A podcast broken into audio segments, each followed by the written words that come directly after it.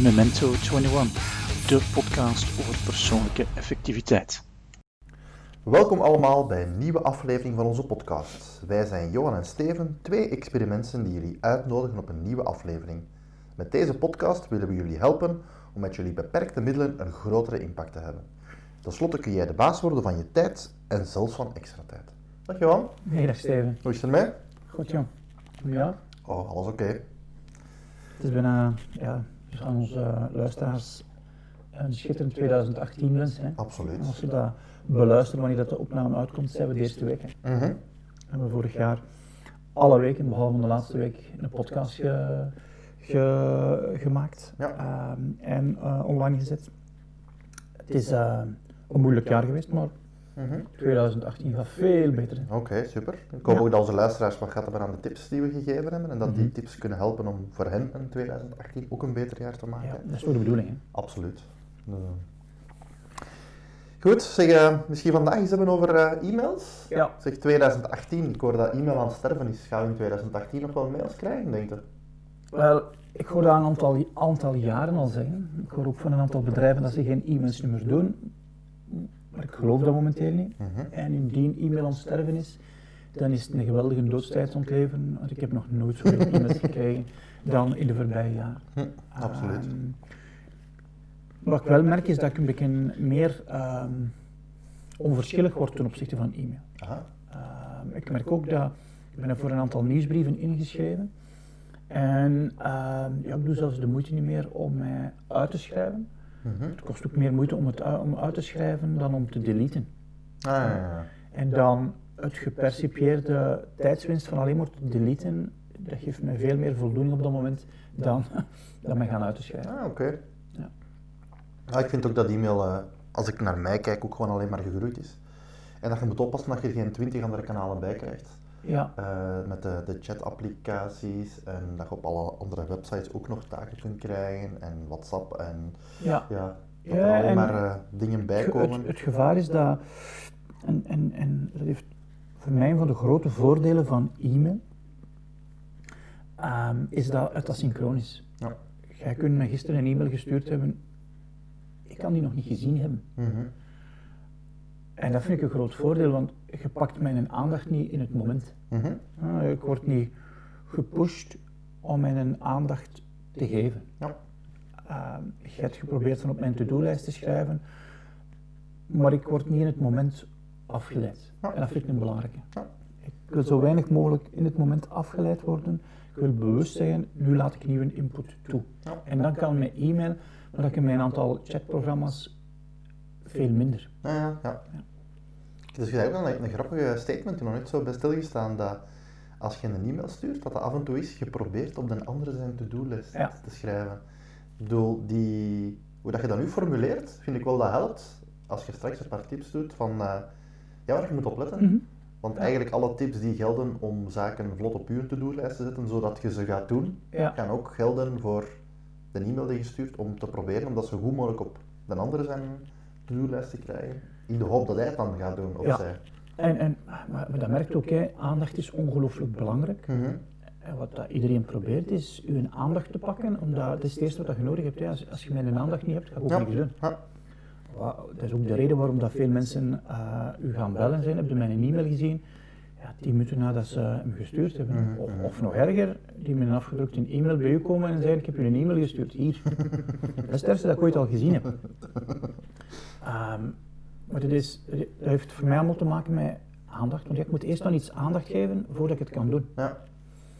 En ja, het is onze aandacht die onder vuur ligt. Het is onze aandacht die gepakt wordt en wordt heel gefragmenteerd als we het toelaten. Mhm.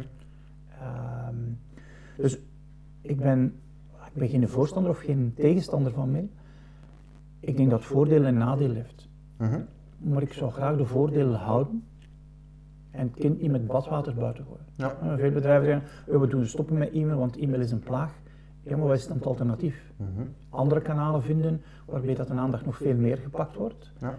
Ehm, is dat dan het alternatief? Dat vind ik geen waardig alternatief. Ik vind dat wel. Zijn er echt al bedrijven die zeggen stoppen met e-mail? Want Atos ook- heeft dat eh, een aantal jaren geleden gezegd. Wij doen geen e-mails meer. Ah, Wij gebruiken andere kanalen. maar dat is dan gewoon puur voor de interne communicatie. Want je bent natuurlijk geen eiland Ja. Dat vind ik altijd een moeilijke met e-mail.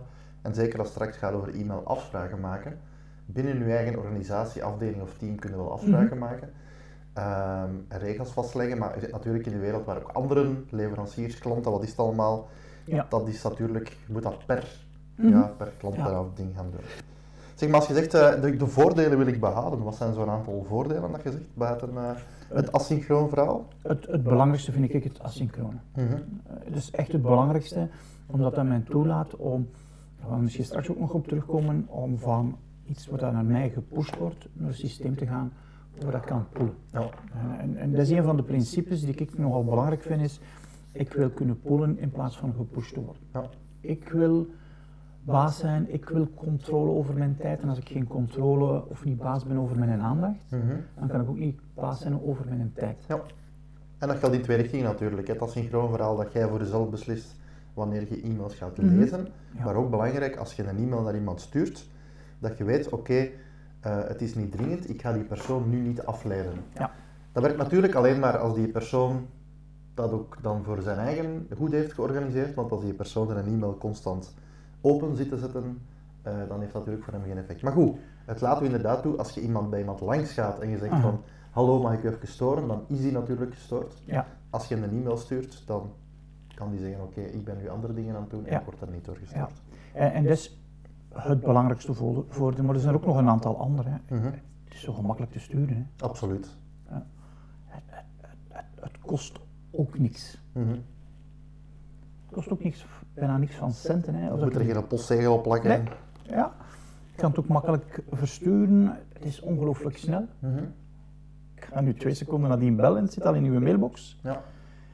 Uh, misschien tien seconden nadien mhm. bellen, het zit al in uw mailbox.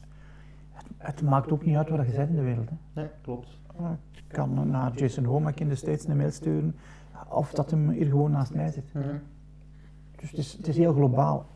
Een ander voordeel, wat dan ook terecht, direct een nadeel is, is dat ja, het telefoon is één of met twee tegelijkertijd als we een, een conference call hebben, maar het is van één naar veel. Mhm. Soms kan het handig zijn als je mensen wilt informeren, in de plaats dat je 50 brieven naar iedereen moet sturen of in zijn postvakje moest leggen vroeger. Ja, Kunnen nu eigenlijk met één e-mail gewoon een aantal geadresseerden of een Mhm. groep en Ja. eh, er wordt naar veel gestuurd. Een voordeel, maar ook een gevaar als je het verkeerd gebruikt natuurlijk. Ehm, er zijn ook geen tijdzones. Hè. Mhm. Maakt niet uit. Hè. Ik, ik stuur iets eh, en ze kunnen het in China lezen eh, op het moment dat het hun uitkomt. Het moet niet tegelijkertijd ehm, zijn. Ehm, het is ook wel makkelijk om, om, om naar te verwijzen. Hè. Ik kan dingen voorwaarden. Mhm. Uh, in een brief, dat zou je nog moeten kopiëren om bij te steken, door ja. een dikke envelop. Ja. Ja, een e-mail is gewoon uh, een extra attachment eraan. Hè. Je kunt ook op een of andere manier makkelijk bijhouden. Sommige mensen vinden dat wel moeilijk omdat ze een grote boomstructuur maken. Maar het is ook wel makkelijk om de informatie bij te houden. Klopt, en je hebt geen kasten nodig. Nee. Eh, en je hebt een, eh, een zoekfunctionaliteit Mhm. in een kast, al een goed klasseersysteem nodig. En een ander voordeel is, je kunt het beginnen automatiseren. Mhm, Absoluut. Dat vind ik uh, een groot voordeel. Mhm. Alles Maar heeft goed, natuurlijk ja. voor- en nadelen. Hè. Ik weet niet of dat jij de nadelen ondervonden hebt als Steven. Er voor u een aantal heel duidelijke nadelen in, ehm, in e-mail. Maar het andere ding van eh, asynchroon is natuurlijk dat je niet direct eh, feedback krijgt. Ja. Is dat een nadeel? Ik vind als je het goed gebruikt, hoeft dat geen nadeel te zijn, maar dat is wel een nadeel van e-mail. Het is niet gemaakt om direct feedback te krijgen. Als je naar iemand belt of bij iemand bijstaat, krijg je direct feedback, hier nu niet. Ja. Eh, ja, het volume denk ik dat Mhm. een heel belangrijke is. Ja. Ehm, hier ook weer al een beetje voorlopend eh, op wat dat we straks gaan zeggen. Als je het verkeerd gebruikt voor de zaken, ik bedoel, ik vind dat je e-mail niet gebruikt voor zaken waar een emotie aan Mhm. vasthangt of voor ja, moeilijke gesprekken waar het belangrijk is dat je de Ja. andere persoon ziet. Eh, als je dat dan via e-mail doet, dan kun je natuurlijk het gevaar van misinterpretatie krijgen. Dat je, Absoluut. en ook veel misverstanden en daardoor kan dus ja, het gevaar van dat uw mail verkeerd wordt geïnterpreteerd, Mhm. eh, is natuurlijk eh, een nadeel. Ja. Dat ook een beetje met, met het volgende samen, ja, er is geen persoonlijke touch, ik bedoel. Mhm. Ehm, sommige Ja. mensen proberen dat oplossen met zo emoticons of met dingetjes in een e-mail te gaan doen. Ja. Persoonlijk vind ik ook voor zakelijke mails dat dat... ehm, Ja, maar bij sommige mensen zie je al de, de, het ongenoegen erin gaan door de uitroeptekens wie verder. Oh, oh, is die een toets kapot of zo? En, of de hoofdletters die geschreven worden. Dan denk ik van, ja, er zit toch wel iets onder. En ik denk, als je dan begint hoofdletters te gebruiken en uitroeptekens, ja, dat zou moeten een, tegen zijn om te zeggen van, ik ben hier iets aan het doen. Dat gaat geen effect hebben, dat zou ik zou beter bellen. Ja. Je hebt- je hebt op een of andere manier meer... Ja, op zich, e-mail is een arm medium. Hè. Absoluut. Je hebt ergens meer contact nodig om ja, de boodschap over te Ja. brengen. En een van de nadelen is ook dat er heel weinig mensen in opgeleid zijn of e-mail-etiketten krijgen. Ehm, want wat je nu zeggen, als je een zin in hoofdletters schrijft, dat is het equivalent van roepen. Niet iedereen weet dat. Ja. Ehm, dus dat is inderdaad... eh, een ander nadeel is van het is gemakkelijk te verzenden. Het is ook gemakkelijk om een fout te maken natuurlijk. Mhm. eh, als je Ja. een e-mail naar de verkeerde stuurt. Ehm, als je een gewone papieren brief hebt en je moet daar een adres op doen, is dat iets minder gemakkelijk dan dat je zegt Ja. van ik ga dat naar Johan sturen. Dat toevallig in je e-mailsysteem in de cache nog een andere Johan stond. Ja. Eh, je moet ook maar drie letters tikken en die begint al de Johan voor te stellen. Dus dat je hem inderdaad naar, eh, naar de verkeerde zendt. Dan spam is ook een nadeel. Het hangt er vanaf van hoe goed dat je spamfilter is. Of dat je Ja. heel veel eh, van die onnozele... dat was ook bij ja, wat dat je in je brievenbus krijgt. Hè. Ja, Ongeadresseerde reclame is ook een vorm van spam. hè. Ja, maar als je zo bij een postbode zegt van ik wil geen reclame bewerken, je Mhm. plakt dat stickertje erop, dat werkt net iets beter dan in Ja. de e-mail variant. Je moet je spamfilter inderdaad wel wat De postbodes leren. Hè. Ja. Ja. Ehm, weer het andere verhaal, het heeft heel vaak twee kanten natuurlijk. Je zegt van je kunt altijd versturen, ongeacht de tijd, tijdzones. Eh, je kunt ook van overal sturen, van op je smartphone, van thuis, van op het werk. Ja. Dat betekent ook dat het nooit meer stopt. Ja. Je krijgt constant mails. Eh, ik weet nog vroeger, als je naar het werk ging, dan kwam je op het werk toe en daar ging je werk-e-mail bij Mhm. kijken. En ja, dat stopte dan als je het Ja, vertrok. ja. Ehm, ik heb zo, ehm, zo een klant en die, die heeft dat goed gezien. Die zei, goh, ik wil stoppen met e-mails van vandaag te behandelen. Mhm. Ik wil die dat van morgen behandelen, omdat dan kan gedaan zijn. Ja. Het werk, op een of andere manier is dat goed dat je het idee hebt dat het af is. Mhm. Uh, want als je het idee hebt van, oeh, het is nooit gedaan, ja, dan heb je misschien ook nooit rust. Uh, en uh, ergens iets creëren die je zegt van, het werk is gedaan, oké, of het werk is niet gedaan, maar je kunt het loslaten, uh, denk ik dat is wel heel waardevol. Mhm. Eh, ja, het, is ook, het vergt ongelooflijk veel tijd om al uw mails te, ver- eh, te verwerken. Ja. Ehm, ja, het is op zich natuurlijk een reactief Ja, medium. dat is een groot gevaar. Ja. Dat, dat, dat, ja, dat je in je inbox geraakt, s morgens, en dat je niet meer uit geraakt. Hè. Ja. Dat je getriggerd wordt om dit te doen, om dit te doen. Terwijl dat als je in een batch zou nadenken over het volume dat daar zit, dat je zou beslissingen nemen, dit doe ik niet, dit doe ik niet, doe ik dit niet. Want dat is de grote kracht. Hè. De grote kracht is van, wat ga ik nu niet doen? Mhm. Want als het makkelijk genoeg is om te doen, en je hebt weinig energie, dan kiest je brein ervoor ja, om het te doen. Ja, en daar werkt dat brein weer tegen ons. Hè. Ons Ja. brein is zo nieuwsgierig. En de twee zaken die je daar juist zegt van, je komt 's morgens op het werk, je gaat eerst wat zaken van je to-do-lijst doen en gaat dan pas je mails openen. Het is zo moeilijk om te zeggen, oké, ik ben nieuwsgierig naar die mails. Hetzelfde verhaal van voordat je stopt met werken, probeer je laatste keer een uur voordat je stopt met werken nog een keer je e-mails te gaan bekijken en niet een minuut voordat je vertrekt. Omdat als je dan ziet van, oh ik heb hier nog een mail van waar ik iets moet rond doen, dan heb je twee mogelijkheden. Ofwel ga je langer werken, Ja. terwijl je net wou vertrekken. Ofwel vertrekt maar je zit dan in de auto van, damn, eh, ik had dit nog willen gaan doen. Maar ook daar weer, ik bedoel, als we zeggen van oké, de, la- eh, de laatste keer een uur voordat je vertrekt naar huis, eh, lees, je, lees je werk. Bij heel veel mensen is het ook zo heel moeilijk, omdat ja, de nieuwsgierigheid hè, van wat mis ik nog of wat heb ik niet gezien. Het is, ook, het is ook normaal dat het heel moeilijk is. Hè? Absoluut. Want dat brein is ook zo, ja, in onze evolutie zo geprogrammeerd. Nieuwe informatie was gewoon belangrijk. Ja, ja, ja. Dat is, dat is honderdduizenden jaren programmatie in ons brein. Mhm. Dus we hebben er een, ja, we hebben er een softwareprobleem in ons brein. Ja. Ah, het is geen moreel probleem. Sommige mensen voelen zich dan schuldig. Hè? Mhm. Voelen zich schuldig van, ja, lap, ik heb weer in die inbox gezeten. Weet je van, allee, dat is normaal. Ja. Ik zeg niet dat het goed is, hè, maar het is normaal. We hebben momenteel een aantal uitdagingen omdat ons brein geëvolueerd is in een omgeving van te weinig naar een omgeving van te veel. ja, klopt. En dat die software in ons brein niet mee geëvolueerd is. Ja. Dat gaan nog duizenden jaren nodig hebben. En dan zal het misschien nog iets anders zijn. Dus Dus wat ons nu helpt, is een van snappen hoe dat het verhaal in elkaar Ja. steekt. En dan inderdaad kunnen we daaruit leren en een paar tips geven. Dus eh, als we misschien met een eerste stap denken, heb jij een model rond eh, ja, hoe omgaan met e-mail of wat eh, de zaken zijn? ja.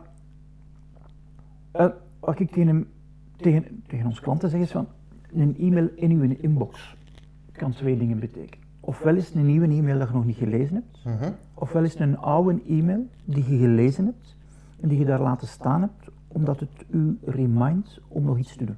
Mhm.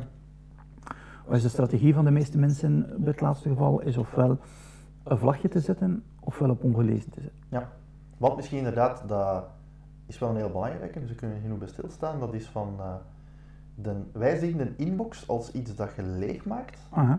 En dan moet die mail uit je inbox. Het is bijna, Ja. voor heel veel mensen is gewoon een inbox een deel van hun to-do-lijst en zoals je net zegt, reminders, vlagjes. Het is bijna het equivalent van dat je postbus thuis leegmaakt, Mhm. dat je zegt van die zitten tien brieven in, dat je er twee verwerkt of leest en dat je er insteekt. Met Ja. bijna een post-itje op. Dus eh, ja, En dat je tien keer per dag naar je brievenbus loopt en gaat kijken of er niet bijgekomen is, maar ook de oude nog een keer doorscreent. Ja, en, en, ja, en dat werkt niet. Mhm. En waarom werkt dat niet? Omdat, ja, als je wilt weten wat je moet doen, moet je naar je inbox gaan. Wat is er toegekomen? Een nieuwe e-mail. En je brein kan het niet weerstaan. Ja. Als je toch moet weerstaan, kost het je energie. Als je het niet weerstaat, kost het je tijd. Mhm. Dus je verliest altijd. Ja. Wat dan een hele spijtige is. Wat is een truc dan? Wel, af en toe naar je inbox gaan. Zoveel als nodig is voor je job. En dan beslissen wat zijn de prioriteiten uit en die organiseren Mhm. zodanig dat je dat kunt loslaten en dat je naar een polsysteem kunt gaan om te zeggen van, hé, dat zijn mijn prioriteiten. Ja. En, en, en dat gaat over de taken uit je e-mail. Maar over dat e-mail-based, hoe kun je dat beheersen? Dat is in mijn idee door over een zestal zaken na te denken. Dat is, kan ik nadenken over het volume van Mhm. e-mails dat ik krijg. Ja. Kan ik nadenken over de snelheid. De snelheid waarmee dat ik e-mails ja, verstuur, of de snelheid waarmee dat ik e-mails verwerk, of de snelheid waarmee dat ik e-mails antwoorden krijg. Kan ik nadenken over de helderheid van e-mails. Mhm. Een onduidelijke e-mail, ja, daar krijg je nooit antwoord op. Hè. Ja. Of je krijgt een antwoord waarmee dat iemand het snel van zijn bordje haalt. Dan zeggen we, goh, kunt daar eens kijken. Mhm. Dus op een of andere manier willen we de dingen wel snel van ons bord. En eh, ik krijg nogal dikwijls vragen terug, zodanig dat van een andere zijn bord is. Hoe meer helderheid, ja, hoe minder gemakkelijker dat van hun bord kan gaan. Mhm.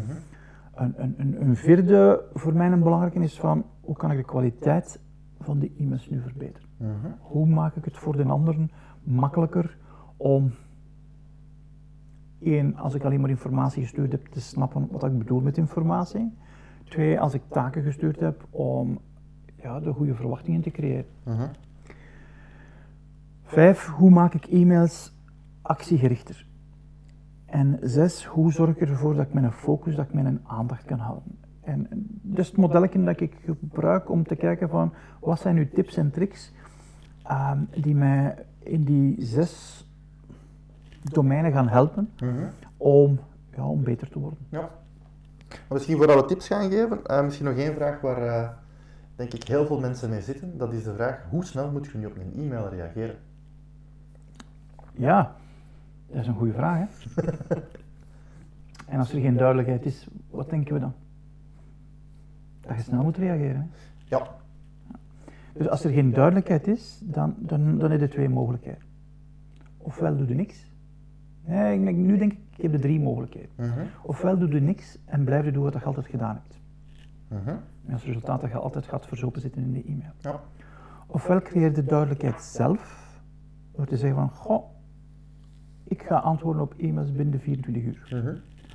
Ofwel, vraag dan uw HR-afdeling van, geef mij nu eens helderheid daarin. Ja. Ik wil mijn werk goed organiseren. In productie hebben we, SLA's, ehm, maar in e-mail hebben we er geen duidelijkheid over. Ja. Of je vraagt een workshop met ons waar we samen even met het team gaan kijken van eh, welke Ja, dat kan, kunnen we hier maken. dat kan ook, maar dan moet je dat met het ganse team doen. Ja. Maar als dat niet gedragen wordt door het ganse team, Ja. ja, dan, dan hebben we als individu dikwijls het gevoel van, oh, maar mijn collega's verwachten dat. Ja. Ja. En dat is ook normaal. Waarom? Omdat in onze evolutie opnieuw de omgeving belangrijk was. Mhm. Ehm, en zo toestemming krijgen van de omgeving om dingen te doen die we nu niet normaal vinden, is wel een belangrijke. Ja, absoluut. Trouwens, dat is eh, daar is ook geen juist antwoord op, in de zin van, eh, het, is, het is een hele balans tussen naar je persoonlijke productiviteit gaan kijken. Mhm. Hoe meer dat je daar naartoe gaat, hoe minder snel dat je op mails gaat reageren. Ja. Eh, en het hele andere kant van het spectrum is super klantgericht zijn. Ja. Ehm, we willen snel antwoorden op de klant, dus we willen snel zijn dingen gaan zien. Ehm, persoonlijk vind ik nu wel dat je klantgericht kunt zijn los van e-mails, maar goed, de klanten hebben niet altijd onder controle. Het hangt er ook een beetje voor jezelf af hoe belangrijk de klanten zijn, afhankelijk van je functie, je rol. Maar dat is, eh, dat is een hele moeilijke. Ehm, wat dat je daaruit zei, klinkt voor vele mensen al, als je dat de eerste keer zegt van binnen de 24 uur, is het van, van uh, amai, dat is al kei lang. Terwijl, persoonlijk vind ik dat inderdaad dat dat een goede is om mee te starten. Je moet natuurlijk wel een afspraak hebben dan van, eh, en dat brengt ons bijna op ons eerste ding van, is e-mail het juiste medium? Mhm. Van, eh, ja, waarvoor gebruik je e-mail en waarvoor niet? Als je zegt van, oké, eh, wij verwachten dat de mensen binnen de 24 uur reageren op een e-mail. En reageren bedoelt dan ook niet direct dat je heel die to-do gaat doen, maar dat je gewoon antwoordt van, dan ga ik het doen of niet.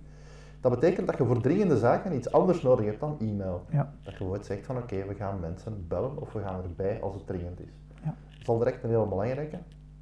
Ehm, en soms kan het zo simpel zijn dat je zegt van oké, eh, als het dringend is, dan bel ik. Als het 24 uur kan wachten, dan stuur ik een mail. Ja. Eh, en dan is de tweede vraag, ja maar ja, stel gebeld en die andere neemt, Job, wat doe ik dan? Ga ik hem dan een sms sturen? En dan kun je nog zeggen, oké, als je iemand belt en het is dringend, dan laat hem een voicemail na bijvoorbeeld. Mhm. Dan, dan weet Niet bij dus mij natuurlijk, want ik luister niet naar mijn ja, daarom, eh, Ja. het is maar één van de opties natuurlijk. Maar dan is het ook heel simpel. Dan heb je maar één ding nodig, een telefoon en een e-mail. Ja. Als ik een telefoon gekregen heb, ik zie geen voicemail is niet dringend, zie ik wel in en probeer ik snel mogelijk te luisteren. Ja. En in het geval ga ik e-mails gaan bekijken. Dat betekent ook voor heel veel mensen dat ze ineens zeggen, oei, dan kan ik heel veel zaken niet meer doen dat ik vandaag wel via e-mail doe. Eh, kunnen we binnen een half uur samen zitten? Eh, ja, dringende zaken of waar je bijna mensen verwacht dat ze binnen een uur of binnen twee uur gaan reageren. Ja, en, Maar, en, eh, en, en, en, en dringende zaken. We zijn terechtgekomen in onderbrekingscultuur. Mhm. Wat dus maakt omdat heel veel mensen zo gepusht worden door het laatste en reactieve mode zitten, Mhm. hebben ze nu mijn aandacht nodig. Ja. Als we uit die reactieve mode geraken, komen er minder en minder dringende dingen. Mhm. En dat is denk ik een manier om een balans te vinden. En het is een spectrum hè, tussen reactief en proactief. Ik wil meer opschuiven naar proactief in plaats van reactief. Ja. Maar dat wil wel zeggen dat ik een aantal zaken ga moeten doen om dat reactieve te gaan beperken. Mhm. Om dat reactieve te verkleinen. Want dat reactieve, soms noemen we het ook ad hoc, heeft de neiging van groter te worden. Ja, klopt.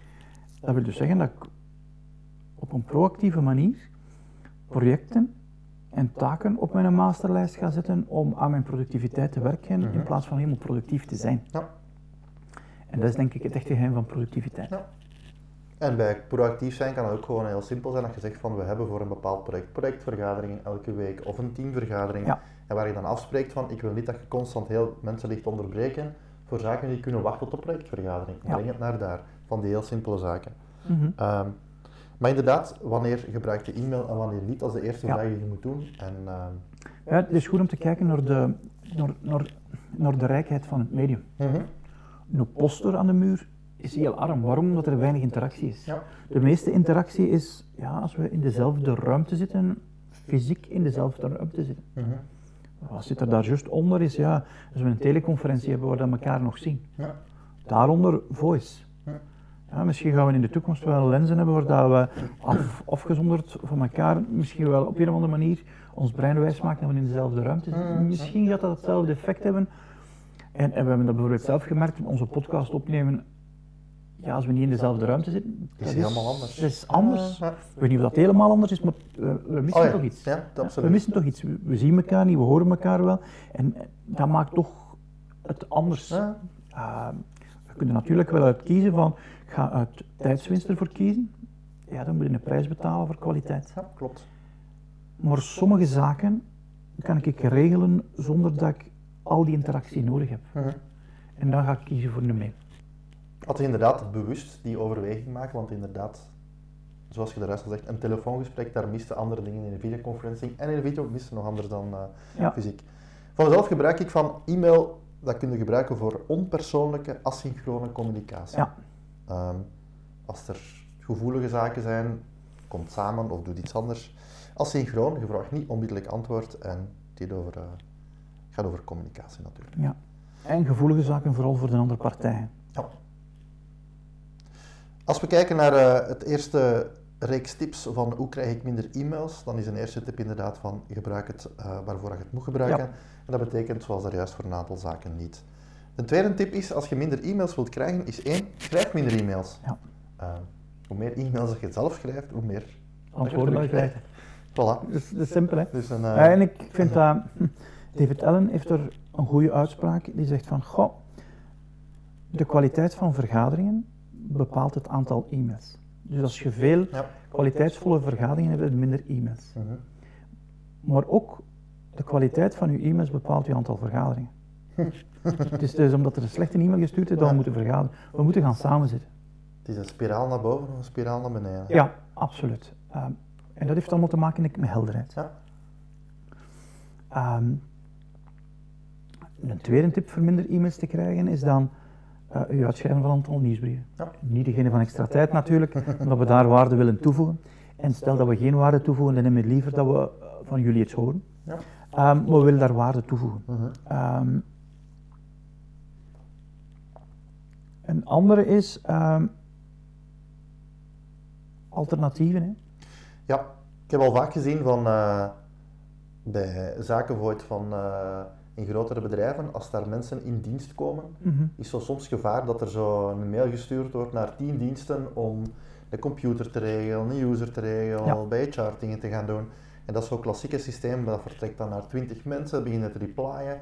En ach- achteraf weet nu niemand van, uh, is nu alles in orde, ja of nee.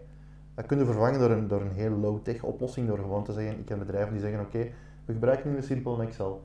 Daar staat gewoon bij voor elke dienst wat, wat iemand moet doen en daar komen de gegevens van je werknemer. En er is een afspraak dat er iemand van elke dienst wordt dagelijks daarin gaat kijken. Ja. Dat is een hele simpele, waar je gewoon alle e-mails op één, met één beslissing compleet eruit haalt. Uh, waar je nu een ander medium hebt en waar je dan ook beter kunt opvolgen hoe dat zit. Ja. Een andere low-tech oplossing is ook van, uh, als je met meerdere mensen zaken moet doen, bijvoorbeeld uh, klassiek is daar een dienst die facturen moet doen en heel veel elektronische facturen krijgt. Mm -hmm. wat, wat ik daar soms zie gebeuren is dat ze steken vijf mensen in een e-mailgroep en als dan een klant een factuur stuurt, krijgen vijf mensen diezelfde mail. Ja. Waar ze ook niet weten wie heeft die factuur nu al verwerkt of Mm niet. -hmm. Dus daar kunnen zeggen, we gaan naar één gemeenschappelijke e-mailfolder Ja. en we spreken af met mappen of met tags van wie heeft die nu al verwerkt. Dat is ook iets heel simpel waar in de plaats van één mail vroeger vijf mails werden, dan blijft één mail Ja. en je ziet ook beter.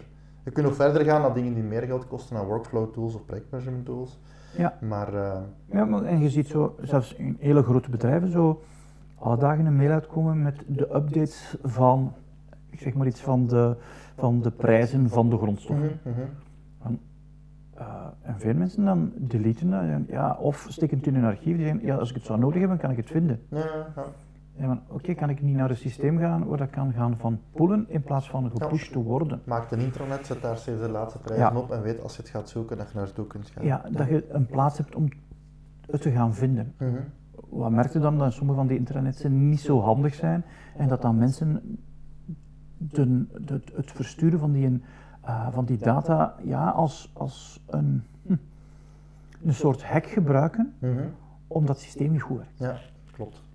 Uh, en dat begrijp ik compleet. Hè. Uh, als het te lang duurt voordat uh, de ICT-afdeling een, een, een, een, gat in de software dicht, Mhm. mensen vinden manieren. Ja, natuurlijk. Niet altijd de meest efficiënte. Ja. En ze gaan er ook niet meer laten iets van horen, want hun probleem is opgelost. Maar dat het dan tijd kost om dat probleem um, te fixen, dat ziet niemand meer. Ja. En dat is wel zonde. En dan misschien nog een laatste tip over minder e-mails, dat is van uh, stop een e-mailketting. Ja. Um, vaak zie je zo een eerste mail, er wordt op gereageerd, er is onduidelijk en dat zijn ook klassiek de mails met ongelooflijk veel geadresseerden. Per mail komen er nog meer mensen bij, frustratie, onduidelijkheid, dus dan krijg je zo, dan wordt er gereageerd vanuit het zoogdierbrein. Ja. Eén, uh, de mail begint heel vaak met verkeerde medium, want dat zijn zaken die op mail moeten. Mensen voelen zich onbegrepen, reageren, het gaat, Ja. en dan ja, dan is de enige oplossing dat je dat stopt. Hè. Dat Ja. je dan zegt van oké, okay, maar laten we nu stoppen, laten we even samenkomen, laten we bellen. Ja. Afhankelijk van hoeveel mensen en hoeveel je moet oplossen. Ja. Um, maar stop die. Dat is de enige optie, want anders Een, een van mijn baas had er een goed, goed begrip voor. Die zei, mannen, ga koffie drinken. Oh ja. Ja, want dit gaat je niet oplossen via e-mail, ga Mhm. koffie drinken. Stel dat je niet zo'n baas hebt, er is in Outlook een knop waar dat je kunt zeggen, ik wil deze conversatie niet meer zien. Ah, oké. Ja. Wist ik zelfs niet. Ja. Een ander tip is natuurlijk ook, als je ze dan ziet of wilt verwerken, gebruik de gespreksweergave of de conversation history, waar je Ja. dan al die mails op onderwerp kunt eh, bij elkaar groeperen. Ja, Maar eh, inderdaad. verwerk ze en stop. ze. Ah, Oké. dus inderdaad, krijg minder e-mails. Een beetje samenvatting van de tips van eh, uw eerste vraag. Is e-mail wel het beste medium? Schrijf er minder. schrijf die uit op nieuwsbrieven. Ehm, als je zo'n ketting ziet, stop die en zegt van laten we een koffie gaan drinken. Eh, of gebruik alternatieven om Ja. gewoon die e-mails er helemaal Voor twee uur is koffie altijd een goed idee. Als we kijken naar de tweede tips eh, over schrijf betere e-mails, ehm, dan eh, is ja, een van de tips die ik geef, en dat is de enigste denk ik die ik in deze aflevering ga geven, ehm, om meer e-mails te gaan doen. Het eh, daar juist over minder e-mails hadden. Dat is van één onderwerp per mail. Ja. Ehm, dat is altijd ook een, ja, één dat mensen niet graag horen natuurlijk, maar als je zegt van ik stuur vier vragen aan iemand en je zet dat in één mail, en die ontvanger zegt van oké, ik kan drie antwoorden geven, maar het vierde, daar moet ik eens over nadenken, dan krijg je waarschijnlijk geen antwoord. En dan Ja. blijft dat in zijn inbox en afhankelijk van hoe georganiseerd die persoon is, gaat het misschien nooit een antwoord krijgen. Ja. Als je die in vier verschillende ehm, mails gaat zetten, dan krijg je al drie antwoorden. Dus Ja. tenminste toch al drie antwoorden. Eh, je kunt nog een trade-off doen, wat ik onlangs gehoord van eh, iemand die de cursus vol, wat ik wel interessant vond, dat is van zet de gemakkelijke mails bij elkaar en stuur moeilijkere, of stuur Oké. ene per moeilijke. Ja, Zo'n trade-off tussen dat je aan de klant inderdaad eh, ja. effectief geen vier mails moet sturen. ja, en als je dan toch vier vragen, nummert ze alstublieft. Ja. Dat maakt ook makkelijk om te antwoorden. Mhm. Ehm, ja, en, en mensen zeggen, maar krijg dan meer e-mail. Ja, maar het aantal e-mails is niet het probleem. Het is het werk. ja, klopt. En, en ik, ik maak geen onderscheid of dat ik nu werk krijg via mail of via telefoon. Dat gaat over dat werk. Ja, hè? ja. En of ik nu een mail krijg met vier vragen of vier mails met één vraag, ik krijg hetzelfde werk. Ja, maar dat is ook moeilijk omdat je dat met e-mail niet ziet natuurlijk. Hè. Ik bedoel, als je zegt van ik krijg 100 e-mails, dat kan misschien zijn dat je die heel snel verwerkt hebt. En kan zijn vijf e-mails, dat dat vijf moeilijke zijn waar je heel lang mee bezig bent. Als je nu zegt van ik moet eh, iets fysiek doen, ik moet dozen verschouwen. En je ziet daar tien kleine doosjes staan en zeven ongelooflijke grote dozen. Dan weten van, oh, dat is hier veel werk. Maar e-mail, je ziet gewoon dat nummerken. hè. Ja. En soms staat daar 10 en staat daar 50. Maar we hebben zo precies, ja, of heel veel mensen hebben zo intuïtief van hoe meer, hoe moeilijker en Ja. hoe langer. Terwijl meer mails, maar betere, duidelijkere, kleinere kan inderdaad. Ja, het is wel grappig dat je dat zegt, dat nummerken, want dat is een, bij mij een van de triggers Mhm. die mij verleiden om naar die inbox Ja, te gaan. Absoluut. Dus mijn zoogdierenbrein zegt van, wow, er is werk, ik moet gaan kijken. Mhm. Het trucje dat ik daarop gevonden heb is geen cijfertje meer. En je moet maar eens zoeken in Outlook om dat te vinden, waar dat, dat staat, het knopje, ik wil geen cijfers op die folder, Ja. de inbox. Ja.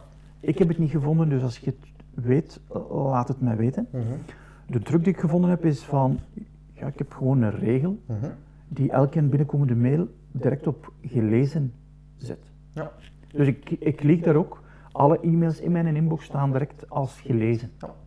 Waar veel mensen het op ongelezen zetten, zet ik het op gelezen, omdat ik dan dat cijfertje heb. Ehm, maar dat ging niet over de kwaliteit van de e-mails. Dat gaat over ja, hoe dat mijn brein verleid wordt om dingen te doen.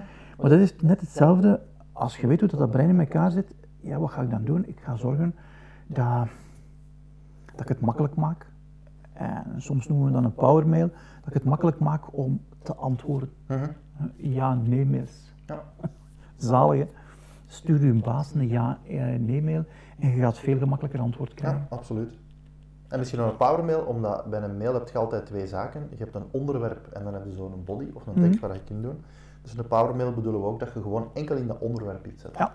Ehm, dus dat moet dan natuurlijk een heel korte, duidelijke Mhm. vraag zijn. Je moet daar Ja. geen eh, epistel gaan doen. En de e-mail-etiketten zet dat je dat eindigt met EOM van end Ja. of message. Dan weten de mensen ook direct van ik moet niet verder lezen.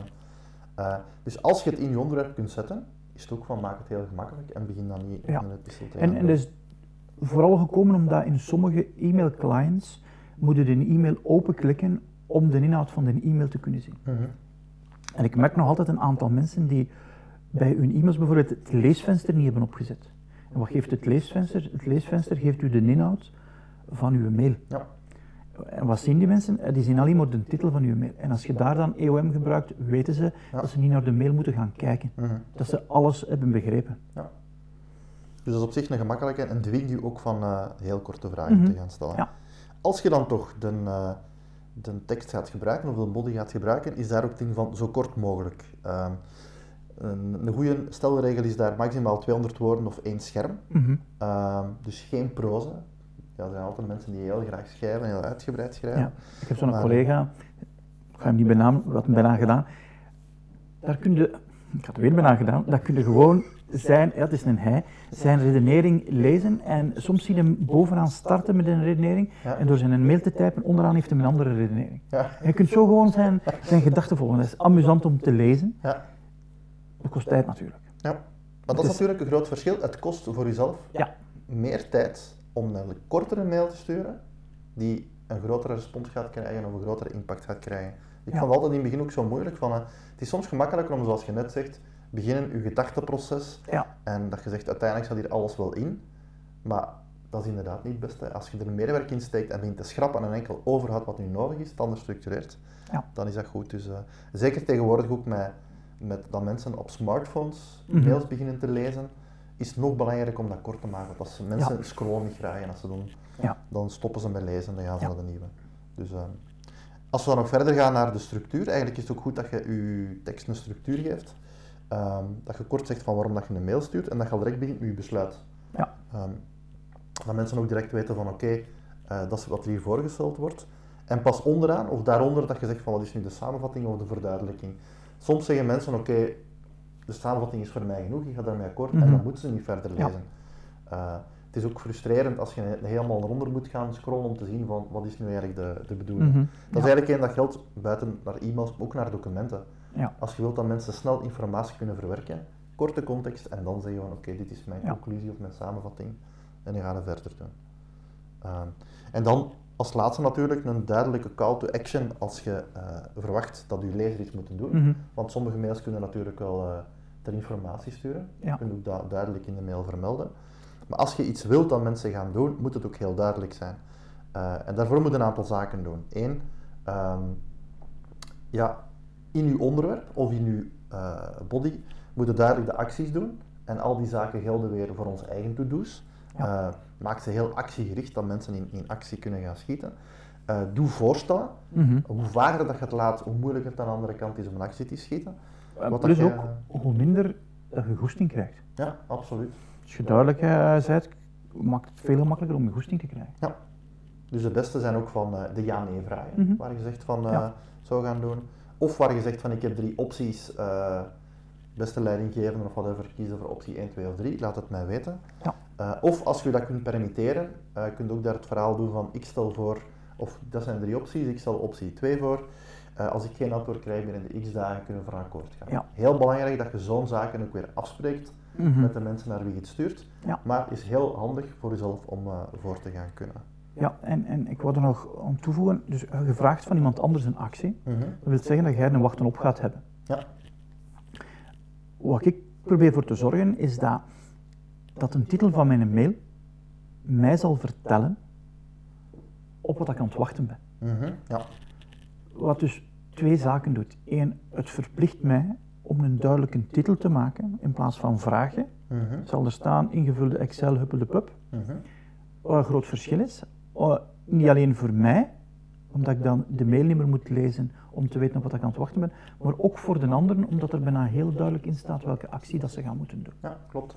En dat maakt makkelijker als je dan het op uw actielijst moet zetten of op uw incubatielijst moet zetten om in actie te kunnen schieten. Ja. LinkedIn heeft hele goede e-mails als ze sturen, omdat daar duidelijk uw actie in de subjectlijn van de mail staat. Mhm.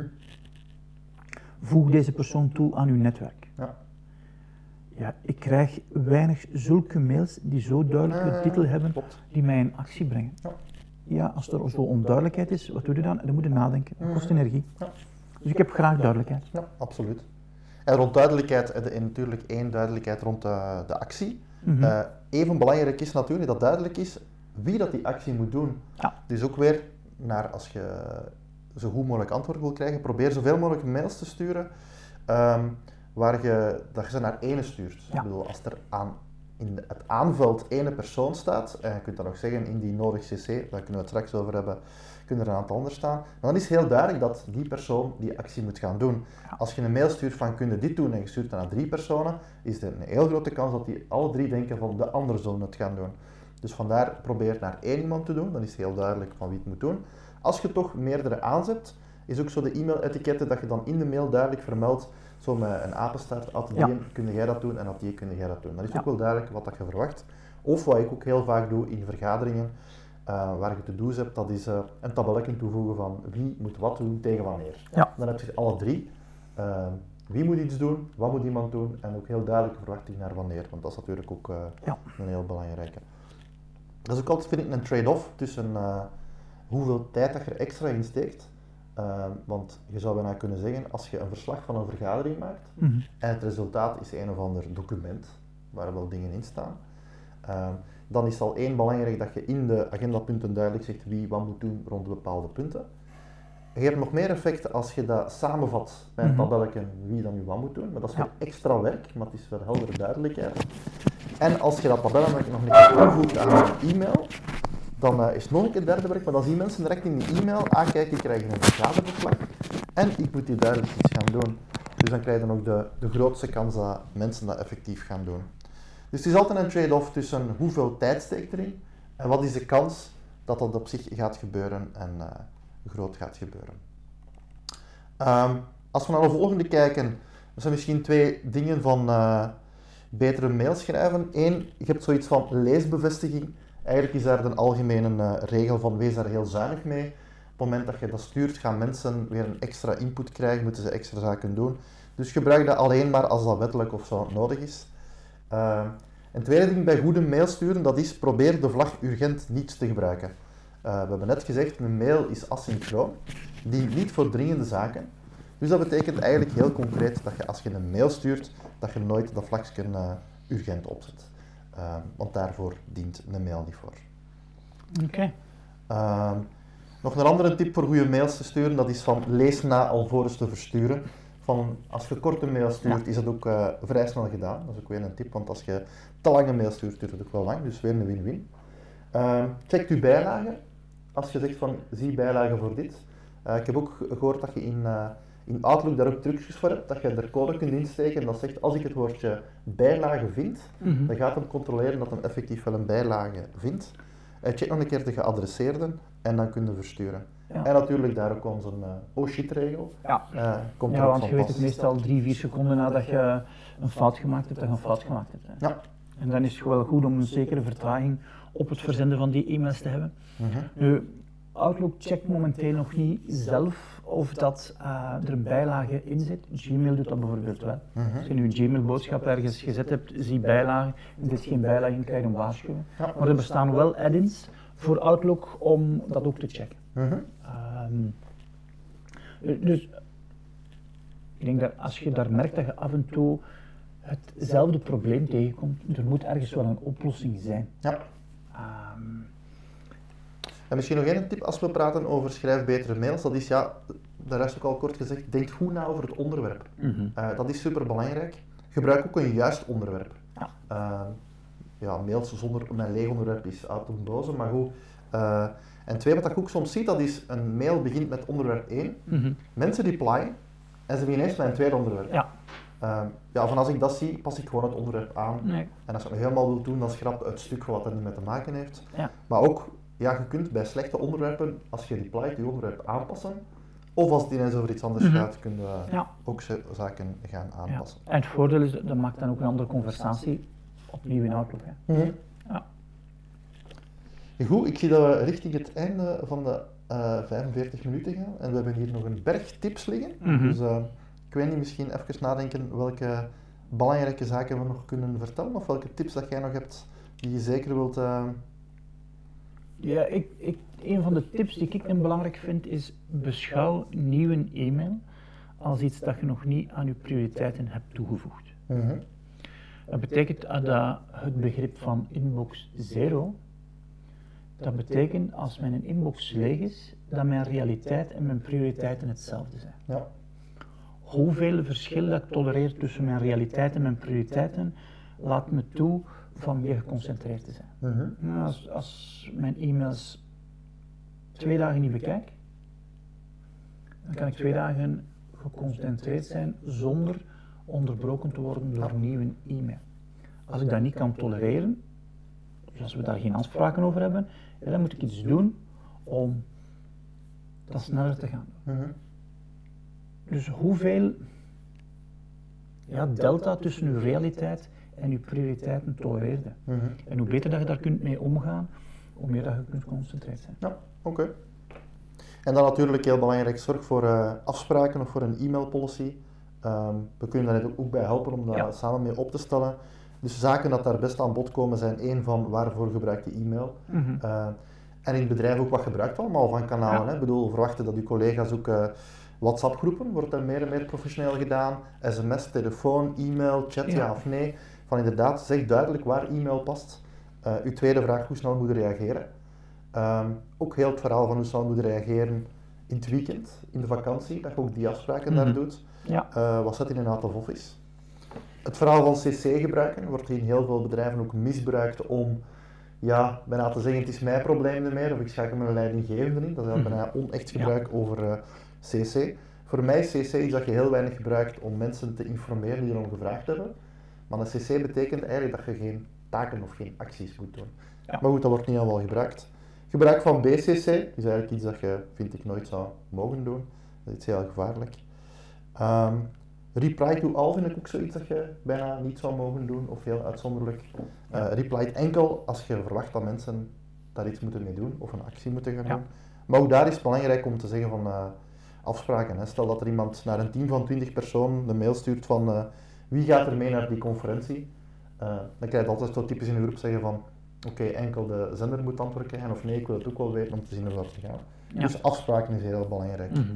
Ehm, hoe gaat het om met bijlagen en vertrouwelijke zaken? Ehm, ja, en de andere dingen van de wetgeving die eh, naar boven komen. Dus ja, e-mailafspraken heel belangrijk te maken binnen een team, binnen een Mhm. organisatie. Ja. En ook als je zegt van naar klanten, ehm, of als je naar klanten moet gaan, dat je ook soort een checklistje voor jezelf hebt om als je bij die klant komt te zeggen van, eh, oké klant, wat verwacht jij eigenlijk van Mhm. naar e-mails toe om te zien van eh match of match, match dan niet. Ja. Eh, duidelijkheid is belangrijk. Ik denk als er geen duidelijkheid is over de ehm, afspraken over e-mail, ga e-mail op alle momenten in uw leven binnendringen. Mhm. Wat een schoon brugje naar onze volgende aflevering is. Ja, want inderdaad, eh, we zijn op zoek naar een betere work-life balance. Dus, eh, e-mail dat bestaat. Ja. Als dat bestaat. Dus dat zal ehm, onze volgende aflevering zijn, de tweede aflevering van het eh, nieuwe jaar. Oké, bedankt. Tot volgende keer. Tot volgende keer.